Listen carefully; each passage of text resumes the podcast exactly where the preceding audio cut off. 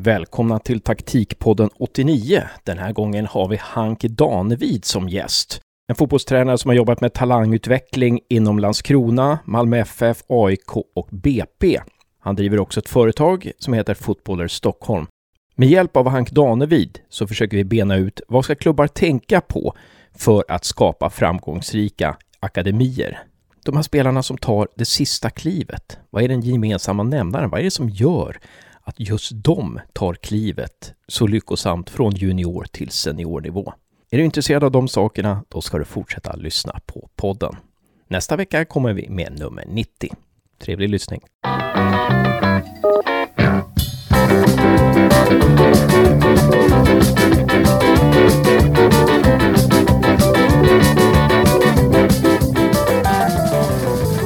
Välkommen till Taktikpodden, Hank Danevid. Ja, tack så mycket. Kul att få vara med. Väldigt roligt att få prata med dig. Jag ska snart göra en presentation av dig och du ska få rätta den och lägga till saker och ting om det behövs. Men först, Josef, välkommen du också.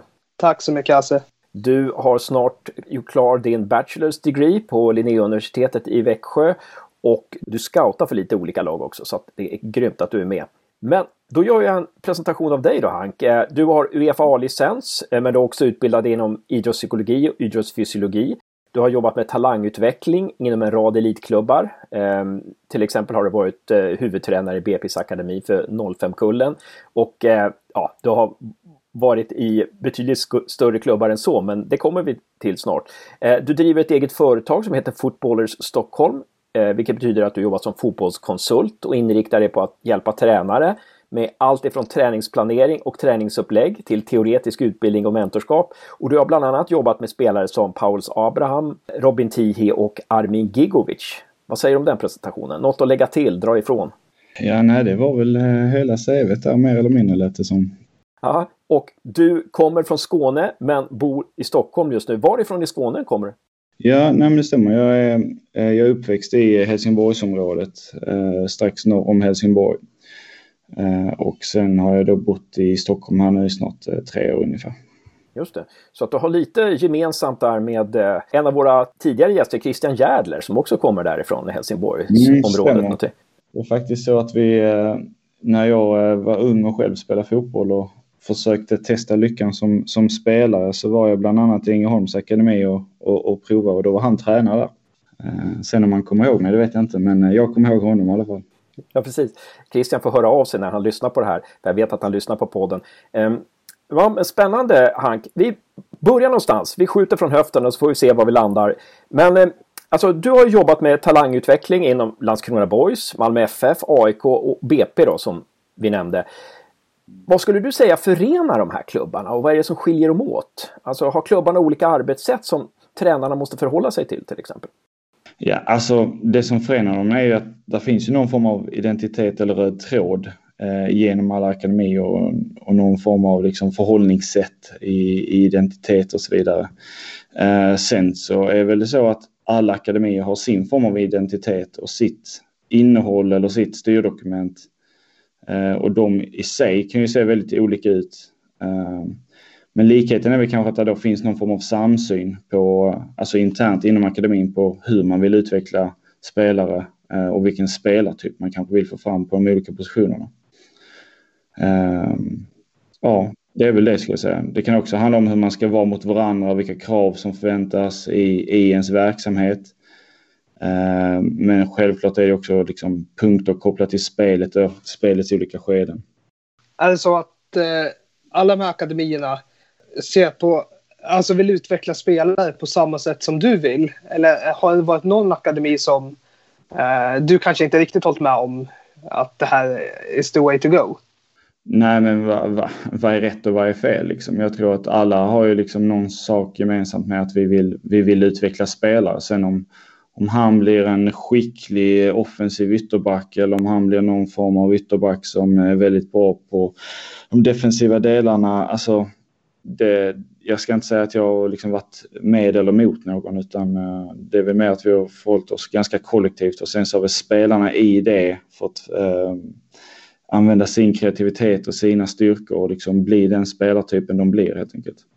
I det här dokumentet finns det då liksom, är det enligt, kan man säga att det är vissa principer som alla inom klubben ska, ska rätta sig efter då? Till exempel att man ska spela vertikalt, mer vertikalt istället för horisontellt, att man ska kasta, alltid kasta bollen framåt eller, eller man ska spela 4-4-2 eller finns det några sådana saker? Ja, alltså det är som sagt det är lite olika beroende från akademi till akademi och, och, och dess innehåll och, och sen också hur pass eh, stor utsträckning det är liksom eh, neddokumenterat. Men eh, Himmelsblå vägen exempelvis tror jag är 17-18 punkter. Eh, där en av de punkterna handlar om att man inte ska kasta bollen framåt. exempelvis. Just för att det inte liksom, eh, att det, det, ska inte handla om riskminimering, att man kastar framåt bara för att man är rädd för att tappa den och åka på en omställning, utan man ska försöka vara skicklig nog att lösa situationen. Det kan vara en grej. Uh, I BP pratar vi väldigt mycket om här nu det senaste året att vi vill som lag vinna tillbaks bollen när vi tappar den. Det är ganska generellt för många lag såklart. Um, sen är det lite tolkningsfråga inom lagen kanske hur man väljer att göra det eller hur man uh, skapar förutsättningar i anfallsspel för att underlätta den direkta återövringen vid bolltapp. Sirius har ju likt ehm, Malmö då ett dokument. Det heter ju The Serious Way och Malmö heter Den himmelsblå vägen. Vad jag förstår är The Serious Way är ett hundrasidigt dokument någonting medan alltså Himmelsblå vägen det är som du sa det är några punkter där. Hur, hur är det med BP, AIK och Landskrona? Har de också så här fastslagna vissa punkter som man ska? Jo men det har de. I AIK heter den bland annat eh, Smoking ler med skruvdobb. Och sen vad det är, det, det, är lite fri tolkning faktiskt anser jag. Men eh, det är många saker man är ganska eh, eniga om. Att det är en hårt arbetande spelare som, har en väldigt, som är väldigt skicklig, både taktiskt och tekniskt. Eh, det är den typen av AIK-spelare man vill få fram. Eh, men det är också bitar där som rör AIK och deras värdegrund. Eh, där AIK har kommit otroligt långt skulle jag säga med Max Bergander i spetsen inte minst. Eh, som handlar om hur man ska vara mycket som person utanför planen också. Och det kan ju handla om hur man beter sig mot medspelare, motståndare, ehm, vilken ansträngningskod, det är ett sånt riktigt AIK-ord, hur man ska liksom, man kan ha som krav att alla som kommer in på Åsunda IP där de håller till och Skytteholms IP, att de ska liksom man har förberett eh, både mentalt och fysiskt för att kunna prestera så bra som möjligt varje träning, varje match. Det låter ju som att man har jobbat ganska eh, medvetet med de här punkterna. De här dokumenten, förändras de någonting eller när de har skapats, ligger de då? Eller hur, hur ser det ut? Ja, nej, de är levande i allra högsta grad skulle jag säga. Eh, sen, sen är det ju vissa saker som kanske lever vidare längre tid än andra saker. Men eh, det är allt utifrån hur, eh, hur vi påverkas av yttre faktorer i, runt om i världen med hur fotbollen ser ut, eh, forskning, eh, ja, alla möjliga influenser helt enkelt skulle jag säga. Så det är väl någonstans det lite som, som, eh, som styr hur det vidareutvecklas helt enkelt. Hur pass definierat är de här dokumenten då? Alltså är de så definierade att inte vilka tränare som helst kan, kan gå till de här klubbarna? Jag tror att mycket handlar om att det finns förhållningsregler, finns saker man ska förhålla sig efter och eh, eh, identitetspunkter och prioriteringsordningar eh, i olika delar av spelet. Och sen, sen så är det väl lite upp till dig. Du, du kommer alltid vara den du är och jag kommer alltid vara den jag är. Så det blir lite art of coaching i, i kanske vad ja, vad de nu har för röd tråd inom klubben skulle jag säga. Har du stött på hinder någon gång med att eh, du eh, du tolk, att du tolkar annorlunda, att du tolkar ett styrdokument annorlunda gentemot andra tränare eller gentemot ledningen? Ja, men varje dag skulle jag säga.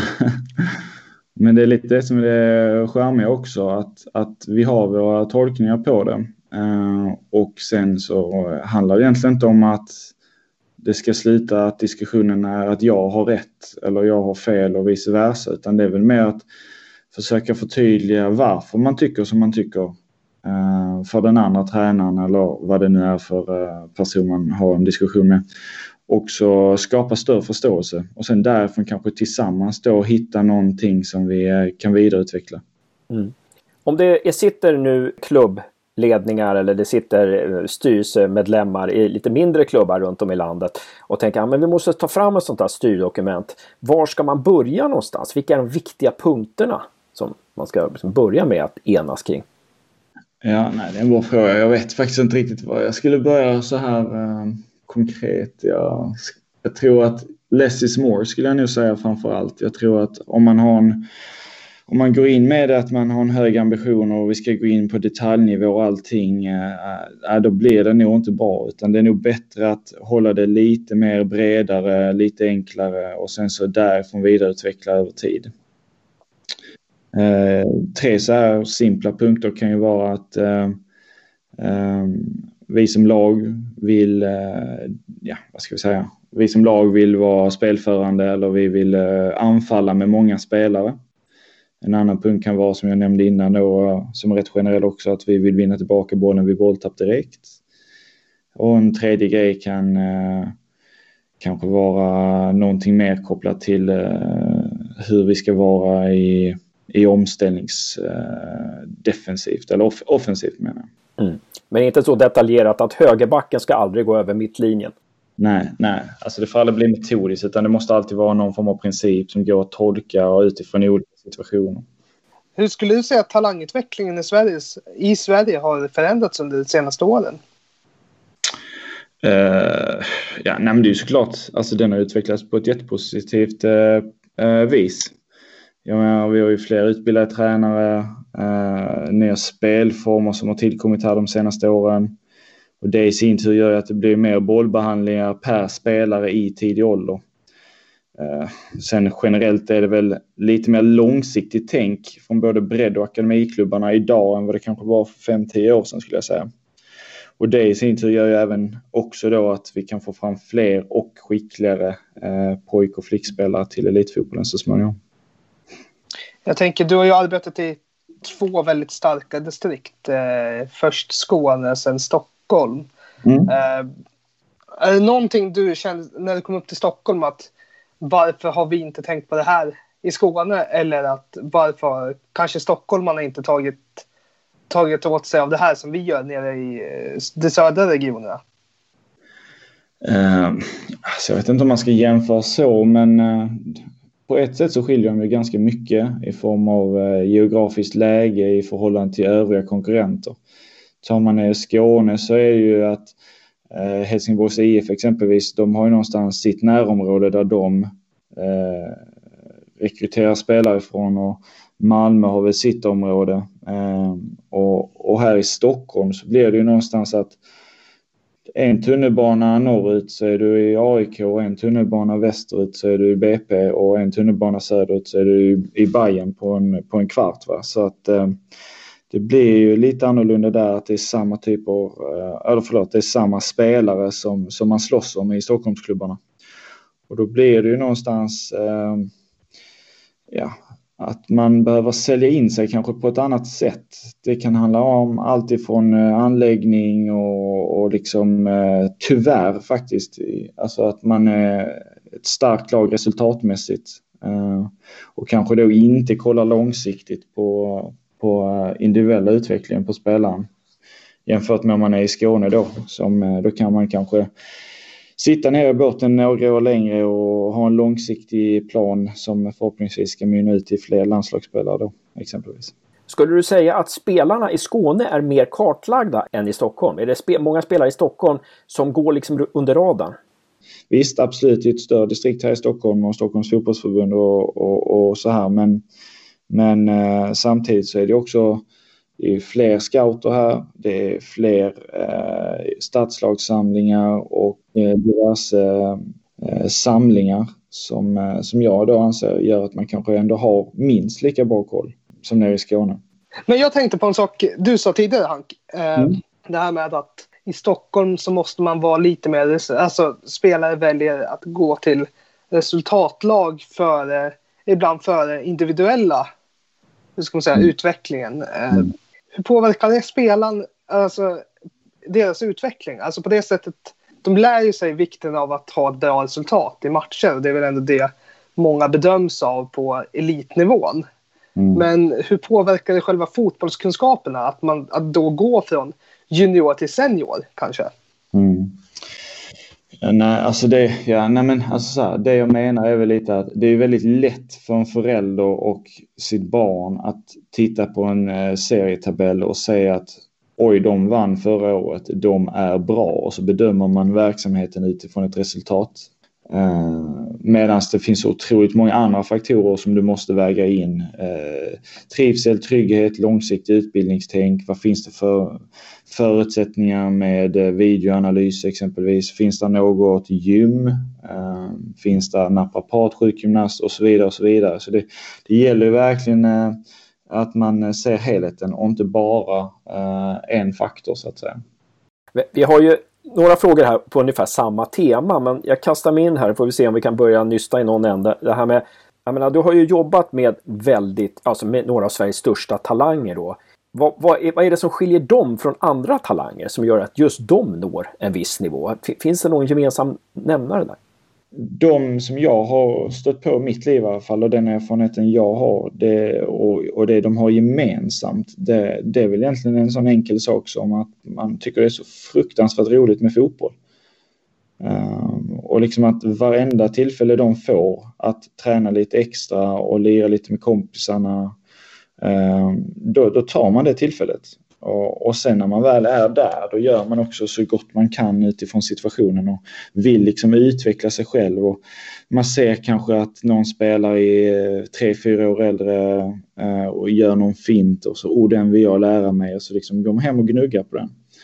Ehm, så att eh, det, är, det är väl den, liksom, det inre drivet skulle jag säga inre drivet och tycka att det är kul. Liksom. För det här med tycka att det är kul, det låter ju, liksom, alltså, det låter ju lite som när man, tittar, när man såg Maradona på fotbollsplanen eller man har hört talas om Nacka Skoglund eller de här, de här bollkonstnärerna liksom, som, som liksom kunde göra det som andra gjorde på gatan. Det gjorde de på planen. Så här att eh, De lekte fotboll och, och det där, alltså, går det att lära ut det? Att spelare ska ha kul? Eller är det medfött eller kommer det från föräldrarna eller vad, vad, tror du? Nej, men jag tror definitivt att man kan ehm, eh, så ett frö och, och liksom eh, i form av eh, olika eh, lekar, tävlingar och öka intresse för både sporten och eh, viljan att utveckla sig definitivt. Sen tror jag också att det handlar mycket om eh, ens omgivning. Ehm, jag vet, jag körde ett pass här nu förra veckan eller vad det var eh, med ganska många A-lagsspelare från Stockholmsklubbarna. Eh, och det är fantastiskt att se hur de liksom pushar varandra eh, och berömmer varandra för att lyckas. Och det i sig skapar ju ännu mer glädje och motivation att vilja göra det ännu mer och, och bli ännu bättre så att säga. Ja, det, det där är ju någonting som många tror jag ledare också underskattar. Eh, värdet av beröm. Alltså vad man kan växa av att få höra att vad bra du gjorde det där alltså. Eh, det kan ju göra att man får några år till liksom, i livet. Nej, men eh, jag tror stenhårt på det där. Men sen så det här med att akademispelare ska ta klivet till seniornivå då? Alltså vilka, vilka faktorer är det som måste fungera på vägen? Eh, många tyckte ju Norling var galen. Han liksom gödslade med, med eh, AIKs, eh, alltså kastade in massor med AIKs juniorer i A-laget förra året. Och man ser ju liksom att vad som har hänt med deras karriär och vad de bevisade, Abraham till exempel och även Tio. Så vilka faktorer är det som, som ska fungera på vägen för att man ska ta det där klivet till seniornivå? Ja, nej men alltså är man tillräckligt bra så ska inte ålder spela någon roll. Det, det står jag väldigt fast vid. Men eh, alltså det som kanske krävs för att lyckas eh, personligen tror jag det handlar väldigt mycket om hur man liksom, man tar hand om sin kropp, eh, planerar utanför fotbollen i, i sin vardag. Så att när det väl är dags att träna så är man liksom mentalt och fysiskt förberedd eh, för att skaffa så bra förutsättningar som möjligt att kunna prestera helt enkelt. Och man brukar ju säga liksom att om du ska bli en mästare, det här är ett sånt typiskt citat som många säkert har hört, men om du ska bli en mästare så måste du ju vara det i allt du gör. Det funkar liksom inte att vara en mästare bara på träningen eller på, på matchen och sen går du hem och käkar pizza och sitter uppe halva natten och lirar Fifa. Då, då, då kommer det långsiktigt inte bli eh, så bra som man kanske hoppas och vill. Liksom. Fångar klubbarna upp det där? Alltså, för nu är du inne på sådana misstag som unga spelare gör som hämmar deras utveckling. Alltså, har klubbarna system för att fånga upp det för att se eh, att, att det inte händer? Liksom? Att de här misstagen inte görs? Eller? Ja, men det är absolut en del av våra individuella utvecklingsplanssamtal. Uh, vad som sker utanför uh, fotbollens värld så att säga. Det är ju minst lika viktigt, om inte viktigare, att skolan sköts och att man har en, en bra och trygg eh, ja, vardag, eller hur jag ska uttrycka mig. Um, och vi försöker ju stötta och hjälpa till så gott vi kan. Eh, det kan vara allt med att eh, vi uppmanar att uh, kanske man ska vara ledig en dag från fotbollen för att man har ett stort prov den veckan. Så att man liksom inte kommer stressad till träningen och så sprider man kanske någon, eh, någon eh, negativ energi i laget. Då är, det, då är det bättre att vi förstår skolan är jätteviktig. Se till att gå hem, gör det du ska, ses här imorgon istället. Liksom. Eh, du har varit ansvarig för BP's 05 och nu senast hade ju ni nio spelare uttagna till en landslagssamling. Vad tror du nyckeln är för att spelare ska nå, för att, för att spelare ska nå den här nivån? Uh, ja, nej men alltså först och främst så måste jag ju säga att den här 05-kullen i BP det är ju en fantastiskt bra uh, årskull som, uh, som jag har haft en liten del i, i det stora hela så att säga. Men det är ju en kull som haft väldigt många duktiga tränare omkring sig under åren. Och också under en längre period har det varit kontinuitet i laget. Och det är kanske det som är svaret på frågan möjligtvis. Att det är utbildade tränare, kontinuitet i laget. Just det. Samma spelare som inte så många spelare som har kommit och gått utan en stomme som finns kvar liksom. Ja, alltså fotboll handlar ju någonstans ändå kring bygga relationer.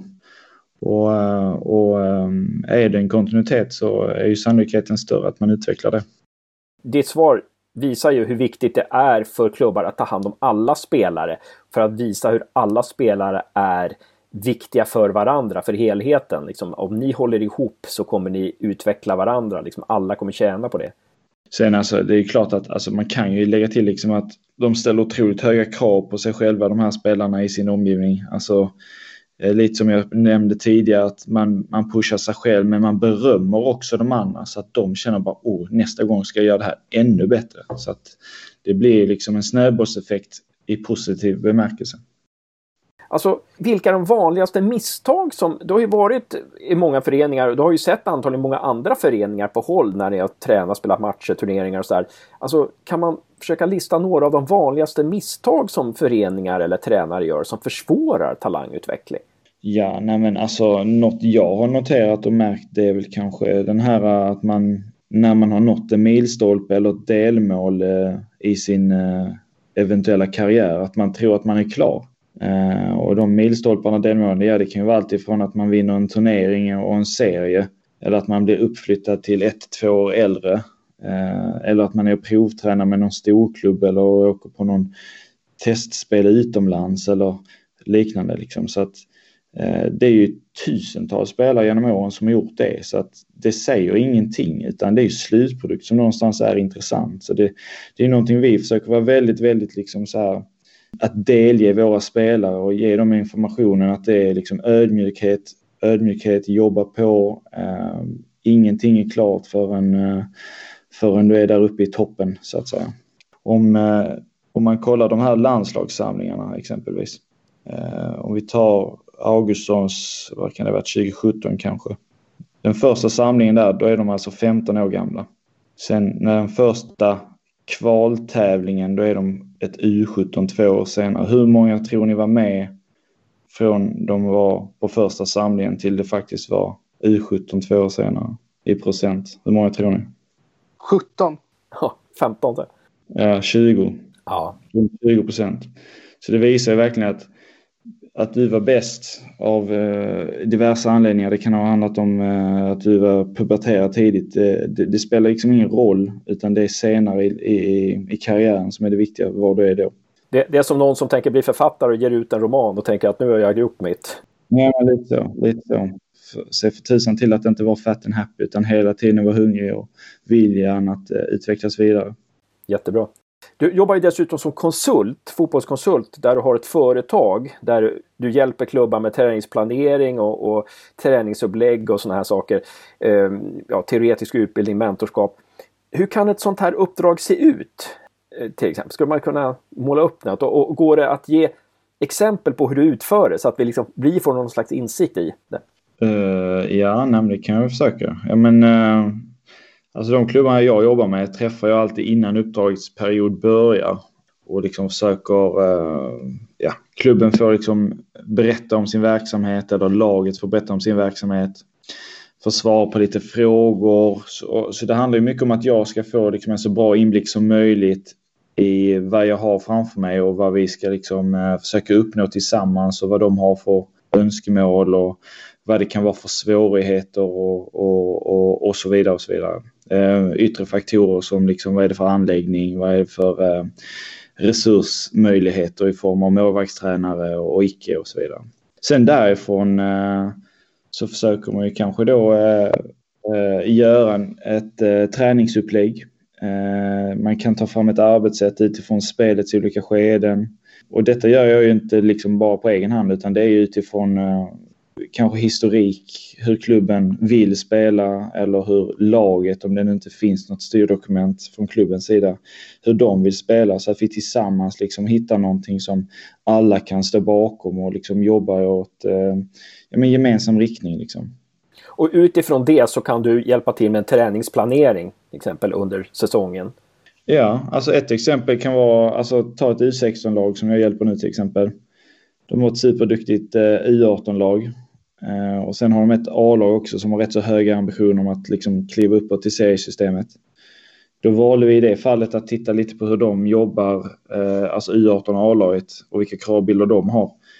Och sen då försöka bygga någon form av identitet eller röd tråd i de tre lagen för att liksom underlätta eventuella uppflyttningar eh, och att liksom arbetssättet, där finns liksom någon form av eh, Eh, liknande mönster eller arbetssätt.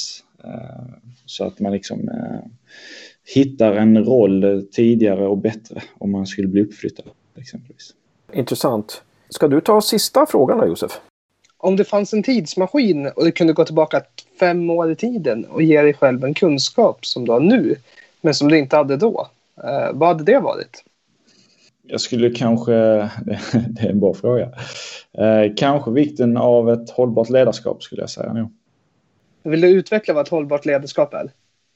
Ja, nej, men det handlar om att man ska få upp alla delar och förstå att även om fotbollen är kanske bland det roligaste som finns så är det inte allt här i livet. Så eh, vinner man eller förlorar en match så ska man kunna ha andra delar i livet som eh, också är väldigt betydelsefulla. Och eh, och inte minst eh, förstå att kroppen behöver återhämtning eh, mellan träning och matcher. För fem år sedan, då var det mer att eh, det gällde att vinna nästa match, att det var det viktigaste, eller? Nej, jag skulle mer säga att det handlar om att man är så otroligt ambitiös och villig och börja den här klättringen på karriärstegen så man kanske bränner, bränner ljuset i båda ändarna så att säga. Det är väl snarare så. Mm. Väldigt intressant att prata med dig Hank Danevid eh, i Taktikpodden. Lycka till med Footballers Stockholm eh, och din, dina konsultuppdrag. Och det eh, ska bli intressant att se vad du är om några år. Hoppas vi får återkomma till dig. Tack för att jag fick vara med i podden. Och bra jobbat Josef! Tack så mycket Hasse och tack så mycket Hank för att du deltog. Tack Josef!